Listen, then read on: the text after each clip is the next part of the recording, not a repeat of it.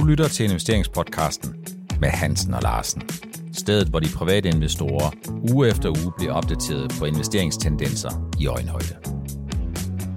Velkommen til afsnit 132 af investeringspodcasten med Hansen og Larsen Helge. Vi sidder ved det grønne klæde. Håbet er jo grønt. I dag er det lysergrønt.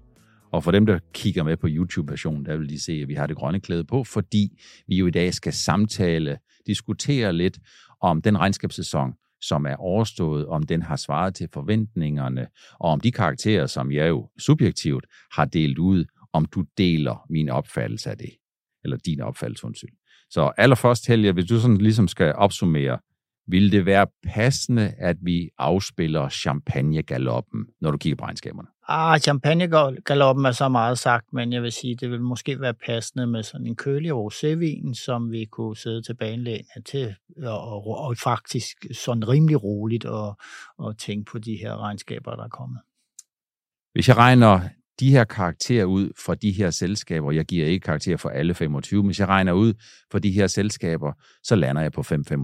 Det er, får jeg ved at komme øh, på de enkelte øh, karakterer, og så regne midtpunktet der, hvor jeg giver inden for et interval. 5,25, det er vel overordnet set Helge, ret godt, er det ikke det? Jo, nu er det faktisk ikke den skala, som jeg kender mest til. Jeg har jo den gamle med 13-skalaen der, så, men det her ligger som en middelkarakter, så Øh, så vidt jeg husker. I gamle dage, der vil man jo sige, at hvis man havde sådan en middelkarakter, så er det okay, men øh, der er jo gået lidt inflation i det, siden du og jeg vi gik i skole, og hvis øh, en betydelig del af dem, der går til eksamen, de skal have topkarakter 12, så må man jo sige, at så er øh, den her karakter måske lidt under det, som de fleste de havde håbet på og sat næsen op efter. Men lad os gå lige på. Jeg synes jo, at øh, Carlsberg, de leverer øh, anden kvartals bedste regnskab. Carlsberg, de er gode til at skrue op og ned når det er sådan, der er gode muligheder for at sælge øl på caféer, restauranter, popper og til arrangementer, så er de gode til det. Hvis de sælger lidt mindre, eller hvis der er covid-19 eller nedlukning, så er de gode til at skrue lidt ned for deres markedsføringsindsats. De er gode til at tilpasse deres forretning. Og så er det vel sådan, at investorerne de har taget udgangspunkt i, at de kommer ud af Rusland, og sådan er det nogle gange bare. Det er et vilkår. Er det ikke sådan, Helge? Jo, det er, og de er vist kommet bedre ud, ud af Rusland, end man havde regnet eller frygtet, øh, da det, hele opstod her. Så Øhm, ja, nu må vi se, hvad det ender med på, med, på det, i Rusland, men øh, ellers har du ret i det der med fleksibilitet, og det er fantastisk godt, at man kan skrue op for ølhanerne, øh, når der er behov for det, og man kan ellers tilbageholde øh, noget af den, sin produktion, og så kan man sælge det løbende senere. Det er jo ikke for at fremhæve nogle produkter, man kunne ligesom sige, at Carlsberg de drikker en grøn tuborg, når vi sidder her ved det grønne klæde. ISS øh, bevæger sig øh, stødt fremad. De kender spillereglerne. Jakob Aarhus Andersen kom øh, og blev ikke fundet fit and proper i Danske Bank. Jeg har sagt det tidligere, jeg synes, han er god til spillereglerne. Stille og roligt, så forbedrer han ISS. I 2017-18 stykker, der tog de desværre en kontrakt ind med Forsvarsministeriet, som de er kommet ud af igen. Det var en stor fejl. De tog en stor kontrakt, stor rammekontrakt ind med Deutsche Telekom, som stadigvæk er underskudsgivende, og på trods af de her ting, jamen så leverer ISS vel noget, der får investorerne til at håbe på, at man fra med 2023 eller senest 2024 kommer over 5% i markedet igen, og det vil egentlig sige, at turnarounden den er fuldført til den tid, er det ikke det? Ja, det kan vi i hvert fald håbe på, og det her med, at, øh, man, at det er jo en servicevirksomhed, så de på den, på, på, på, og derfor er de ikke så hårdt ramt af, øh, af de, den her voldsomme inflation, fordi den er jo ikke sket i så stort omfang på det lønområde, altså Altså, det er en meget løn, løntum virksomhed, og der er rigtig, rigtig mange ansat, både til rengøring og overvågning og vagter og så videre. Ikke?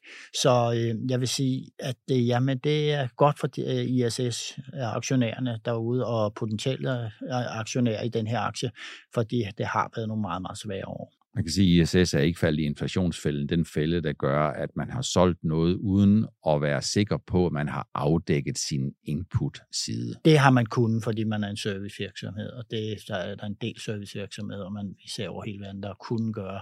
Der er jo ikke noget varekøb, der er ikke det store transportomkostning osv. Så ISS får en 10'er for mig, og det gør Novo Nordisk også. Novo Nordisk, de leverede en opjustering. Det var, uh, ja, Novo Nordisk, ingen over, ingen ved siden af. Novo Nordisk, de gør det bare gang på gang på gang. Imponerende. Alligevel så falder aktiekursen med 10 procent, men det skal man vel ikke være særlig nervøs over. Skal man det heller Nej, det har vi snakket om før. Det her med, at der kommer et eller andet i en højspændt aktie, så, så det er, no, må man sige, Novo er, og der kommer et eller andet, som kan forskrække øh, investorerne. I det, det tilfælde har det været inden for fedme, hvor man ikke har, underleverandøren ikke kunne levere det, som øh, Novo havde brug for.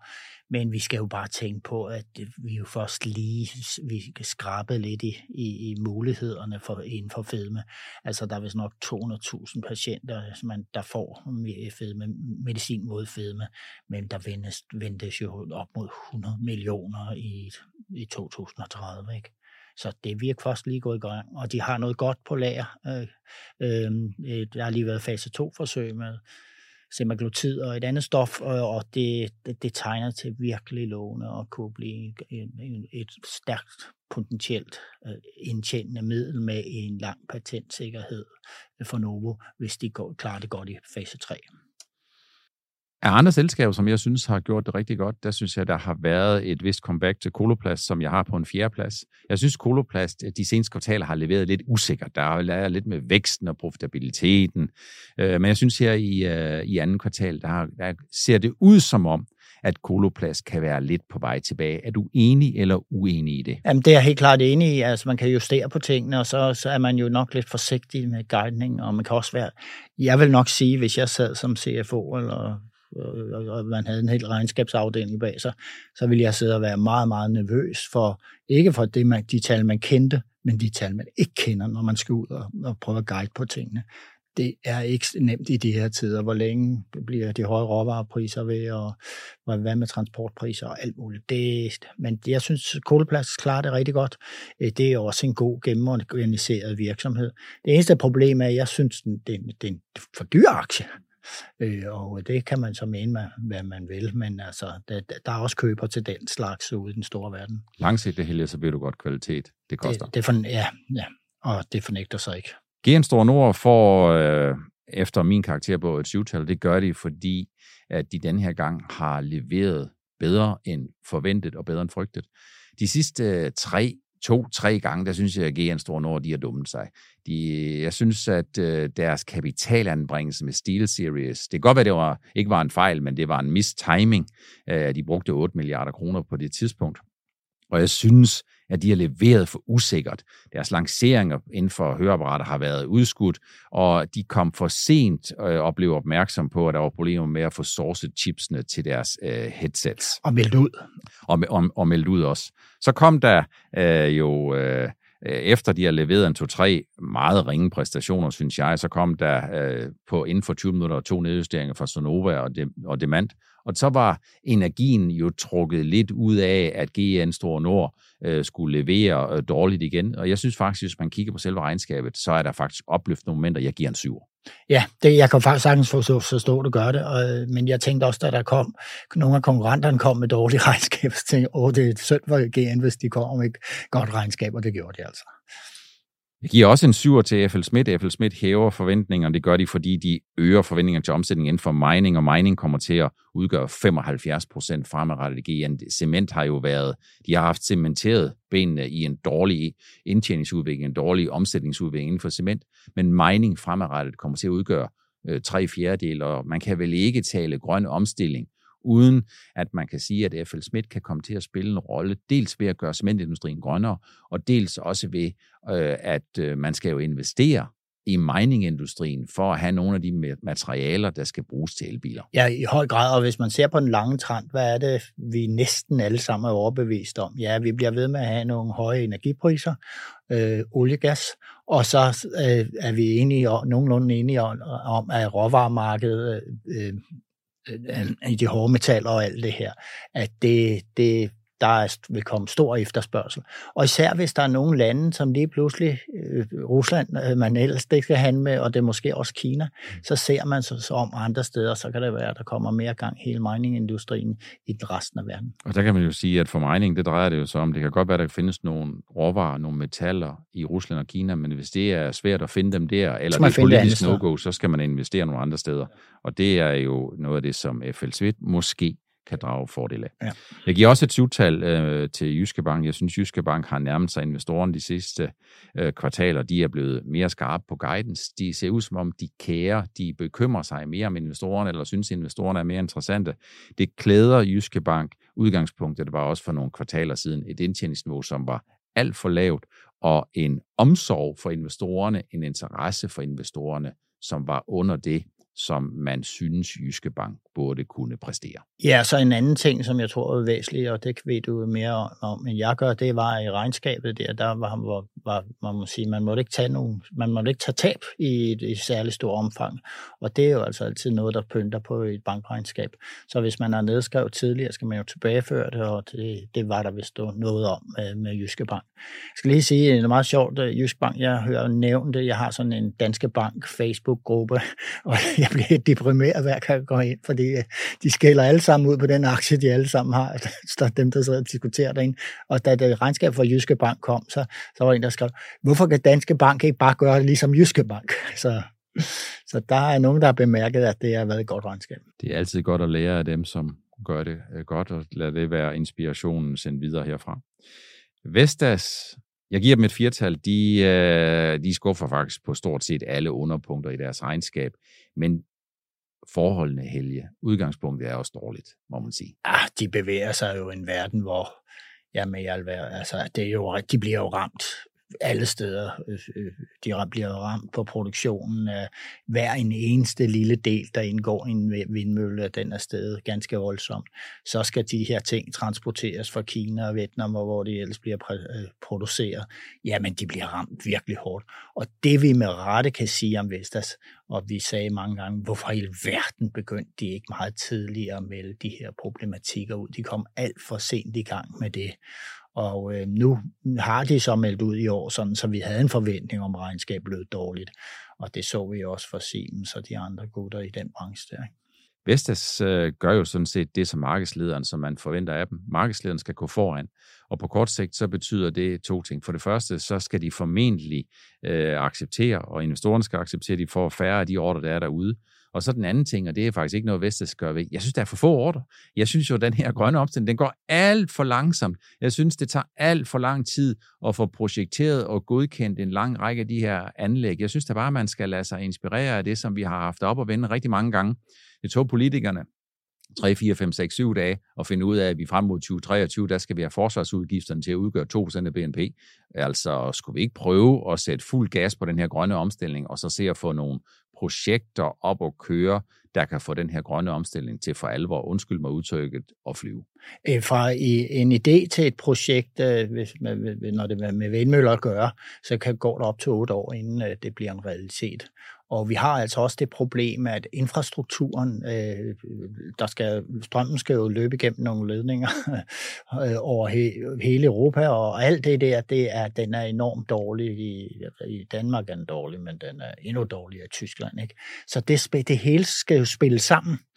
Så det er jo nok grunden til, at øh, det, det, bliver, det kommer ikke til at gå så stærkt, men vi må håbe, når det her, der er sket med Rusland rykker ind i Ukraine, og vi skal rykke mere over på en andre energikilder, at vi kan måske korte de otte år ned til fem år. Det ville jo være fantastisk godt. Det vil være en rigtig god idé, Det er en god idé her med at give videre. Øh, jeg var med i et program øh, øh under Danmarks Radio Guld og Grønne Skove for et par uger siden, og øh, lige inden jeg kom på, jamen der var der en, der undrede sig over, hvorfor er der ikke flere investorer, der investerer i den grønne omstilling? Hvorfor kommer alle investorer ikke deres penge ind i grønne omstilling? Det er jo ret simpelt, Helge. It's the economy, stupid. Det handler jo om, at skal man komme alle sine penge ind i Vestas Ørsted og de andre børsnoterede selskaber, så skal man jo kunne se en investeringscase. Fordi i morgen, eller ultimo måneden, eller om tre måneder, så skal man jo stå til regnskab over for investorerne, og så skal man forklare, hvorfor alle de penge, man har anbragt, ikke har givet noget afkast, eller givet et større negativt afkast. Så det er jo egentlig ret simpelt. Så det handler om, at der er nogen, der skal tilvejebringe nogle rammeaftaler, og så skal forudsætningerne for, at man kan levere de her gode resultater, de skal være til stede. Og det er de simpelthen ikke. Ja, der er rigtig mange derude, og det må jeg med skam melde, som tror, at bare fordi man kører en aktie i Vestas, jamen så har man investeret i en grøn omstilling. Nej, man er investeret i en aktør, der er på en marked. Så hvis man vil gøre noget, så skulle det være måske give politikerne højere løn, eller, eller noget alt muligt andet. Man skulle bruge sine penge på at agitere for, for, for at, at der skulle komme meget mere grønt øh, omstilling i gang. Ikke? Øh, det, det hjælper altså ikke at investere i, i selve aktien som sådan i første omgang. Det er en af de der ting, som jeg samtidig ser nogen, der står lidt uden for aktiemarkedet, spørger, hvis nu jeg køber en aktie i Vestas, går de penge så til Vestas, og de, de penge, man køber, de går jo til den aktionær, der sælger dig den aktie, som du betaler for. Demand leverede, synes jeg, en lille nedjustering. Det var måske en lille smule uventet, men det var ikke nogen sensation. De leverer en nedpræcisering af EBIT fra øh, intervallet 3,6 milliarder til 3,9 milliarder ned til 3,5-3,8. Det svarer til øh, en, en nedpræcisering på noget, der ligner en 3% eller noget i den stil. Jeg synes, det er ret hårdt, som aktien den er blevet straffet. Ja, det er den, men igen, vi har snakket om den mange gange, altså den er jo tårnhøjt op pris, og den har jo haft en fantastisk udvikling sådan sidste år, og ja, jeg ved, et lille stykke ind i, i det her år. Ikke? Så jeg vil sige, jamen det er igen sådan en højt spændt aktie, der, man skal ikke fejle meget. Og vi har også snakket om, at øh, vi er faktisk i et, et aktiemiljø lige nu her øh, med, med regnskaberne, at jamen, det, det udsvingene er store. Der er små, små afvielser, de kan blive til større kursbevægelser, ja. det synes jeg, at det demand er en af dem. Det er vigtigt at understrege. Det er ikke en købsanbefaling. Det er ikke en salgsanbefaling. Hverken på demand eller på de andre selskaber, som vi samtaler om, som vi diskuterer, og som i dag får deres regnskabskarakter for aflæggelsen af anden kvartal. Vi kommer til den rigtig tunge ende, Helge, og den rigtig tunge ende, jamen der ser det jo desværre ud, som om Danske Bank øh, de øh, hører hjemme. De har også i anden kvartal leveret øh, det svageste af de større skandinaviske banker, og det skyldes to ting. For det første, jamen så har de simpelthen bare et omkostningsproblem. De skal have de der omkostninger dramatisk lavere end der, hvor de er. For det andet, så har de altså haft en noget usikre rentehånd her i anden kvartal, hvor renterne jo har pisket op og pisket ned, øh, og Danske Bank har selv brugt som undskyldning eller som argumentation, at når de er marketmaker på realkreditobligationer, så kan det godt være, at man får nogle risici på bøgerne, øh, som er en eller anden form for, jeg ved ikke, om man kan kalde det samfundsansvar, eller et eller andet for at tilvejebringe den likviditet, der skal være på boligmarkedet. Men det er jeg bare nødt til at sige, for en stor aktør som Danske Bank, der er det ikke nogen gyldig undskyldning. Øh, per, kan du forklare mig, hvad, hvorfor har de et omkostningsniveau, der er meget større end andre, eller større end andres? Fordi jeg synes, når jeg er fuldt, jeg, jeg følger det som kunde, der kan jeg jo se, at de, de digitaliserer jo meget voldsomt, og har været rigtig gode til det, synes jeg efterhånden. Plus, at øh, jeg kan jo ikke gå ind i nogle filialer efterhånden med, med penge i Danske Bank. Ikke? De, er, de har lukket og, og, og rationeret, og der er ikke nogen kasse, hvor man kan komme ind og hæve og sætte ind. Så jeg tror ikke, der er nogen tvivl om, at der stadigvæk er et Lex Estland, Lex den her øh, situation, hvor man AML øh, ligesom skal være sikker på, at man kender sine kunder og ikke kommer ud i en situation, hvor man gentager den der forfærdelige udvikling, øh, som har været, og som stadigvæk rider banken og investorerne og aktionærerne som en mare. Øh, og så er det jo også sådan, at omkostningsprocenten, den er jo en afspejling af dels hvor mange omkostninger du har, dels hvor mange indtægter du har. Så du kan jo få omkostningsprocenten til at gå ned ved at reducere markant dine omkostninger, eller også kan du om omkostningsprocenten. Det er relativt forhold mellem indtægter og omkostninger til at gå ned ved at få dine indtægter til at stige dramatisk. Og øh, jeg tror, at de øh, nok er nødt til både at bruge speederen og bruge bremsen. Bruge speederen på indtægtssiden, men også bruge bremsen på omkostningerne. Ja. Så desværre må man sige, at Danske Bank øh, leverer endnu et ringe regnskab. Jeg håber, at der er øh, bedre øh, tider forud. Lundbæk, dem har vi haft. Dem har vi haft øh, op på operationsbordet et par gange. Det så ud som om, at patienten havde det bedre. Øh, de kom øh, forud for aflæggelsen af deres regnskab med en opjustering. Den opjustering, den svarede nogenlunde til der, hvor analytikerne lå, og derfor så gav den ikke noget øh, hurra-råb, som man, kunne, øh, som man kunne sige, eller hurra-råb. Øh, men ikke desto mindre, så har Lundbæk, de har altså desværre en, øh, en, en særlig evne til at få jo selvskade på sig selv, fordi i stedet for at fokusere på regnskabstallene, som var meget solide, i stedet for at fokusere på, at, at de har foretaget, at de var kommet længere i faserne med nogle af deres ting, sådan så de har lidt højere omkostninger nu, og lidt lavere omkostninger senere. I stedet for at fokusere på, at når hedging, at den amerikanske dollar løber ud, så vil vi i 2023 se et meget betydeligt dollarbidrag på et helt andet niveau end der, hvor de har dækket dem af. I stedet for at fokusere på, at de faktisk har haft et meget solidt salg i deres kerneprodukter, i deres migrænemiddel Vyepta, jamen, øh, eller Vyepti, så skete der det, whoopty, at så var fokus lige pludselig på et lille studie, de havde i Kina omkring sammenhæng mellem migræne og overforbrug af medicin, og det tog fuldstændig center stage. Det er trist at se på. Fuldstændig, og det var, det var kommunikationen omkring det var så, så dårlig, som den overhovedet kunne være. Man kunne jo lige så godt have forklaret, ligesom, hvordan sammenhængene var her. Nu troede alle jo, det her havde noget med Reapta og, til at gøre generelt.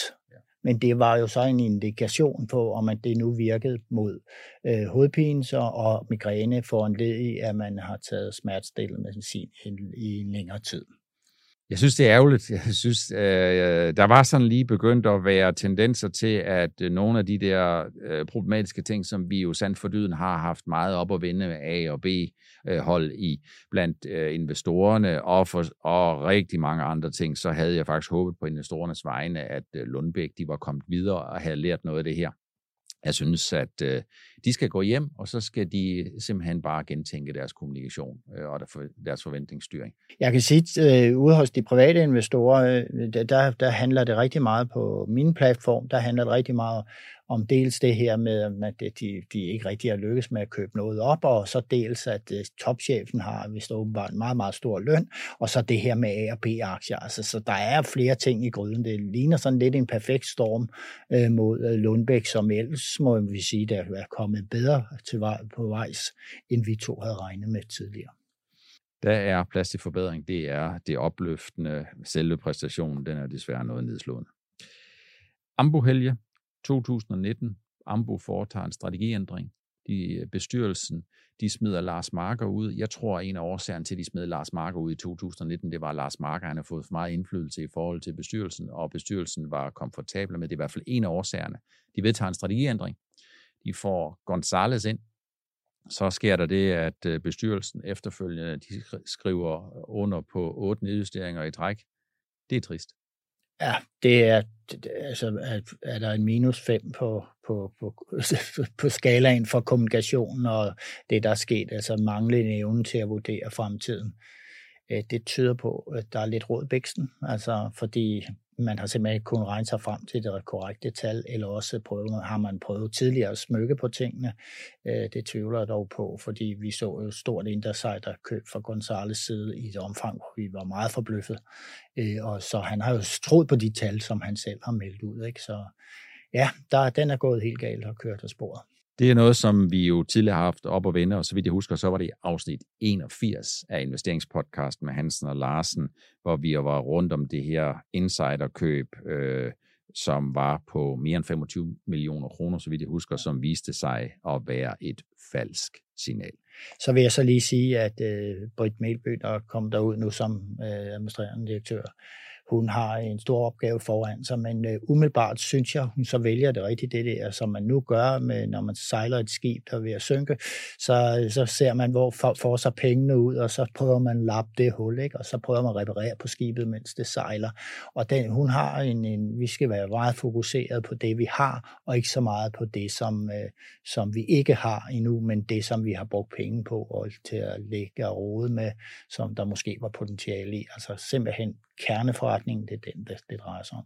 Det lyder i hvert fald som en god idé at begynde at rydde op, og jeg ved ikke, om skibet er ved at synke, men der er i hvert fald tydelige tegn på... det er det på, dog ikke, men... Der er tydelige tegn på, de tager vand ind, eller skibet tager vand ind, og selve øh, den tilføjelse, der står på deres hjemmeside, Ambu Forever Forward, der må man sige, det, det er måske lidt en sandhed med modifikation. Det er i hvert fald noget, der lyder som en som et øh, umiddelbar statusopdatering. Det lyder noget hult. Netcompany var øh, kvartalstaber. Øh, Øh, de leverede væsentligt under på omsætning og på indtjening.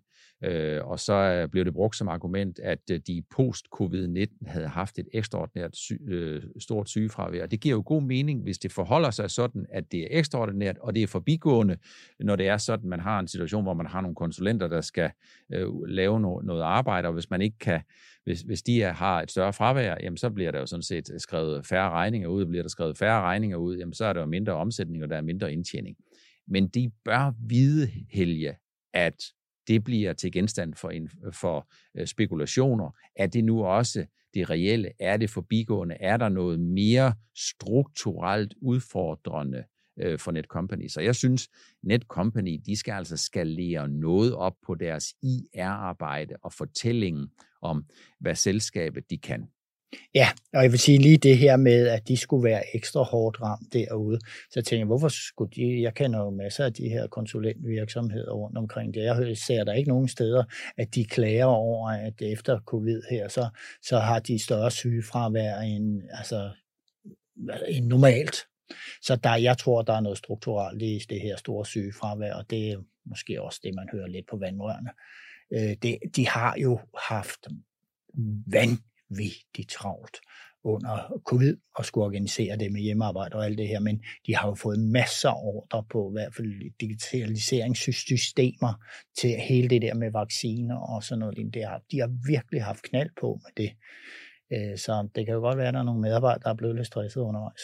Lad os håbe, at øh, det viser sig, at den skepsis ikke er berettiget, og de næste par kvartaler, at de kommer tilbage på sporet. Og så er det vel også sådan, Helge, når et selskab vokser så vildt og voldsomt, som de gør, når de breder sig ud, og ikke kun overvejende skal være i Danmark, eller overvejende skal være i Skandinavien med Danmark og Norge, men de nu også, øh, og de meget skal være i England, Holland, øh, Grækenland, øh, at de skal være mange steder, så de vækster både i højden og i bredden, kan man sige.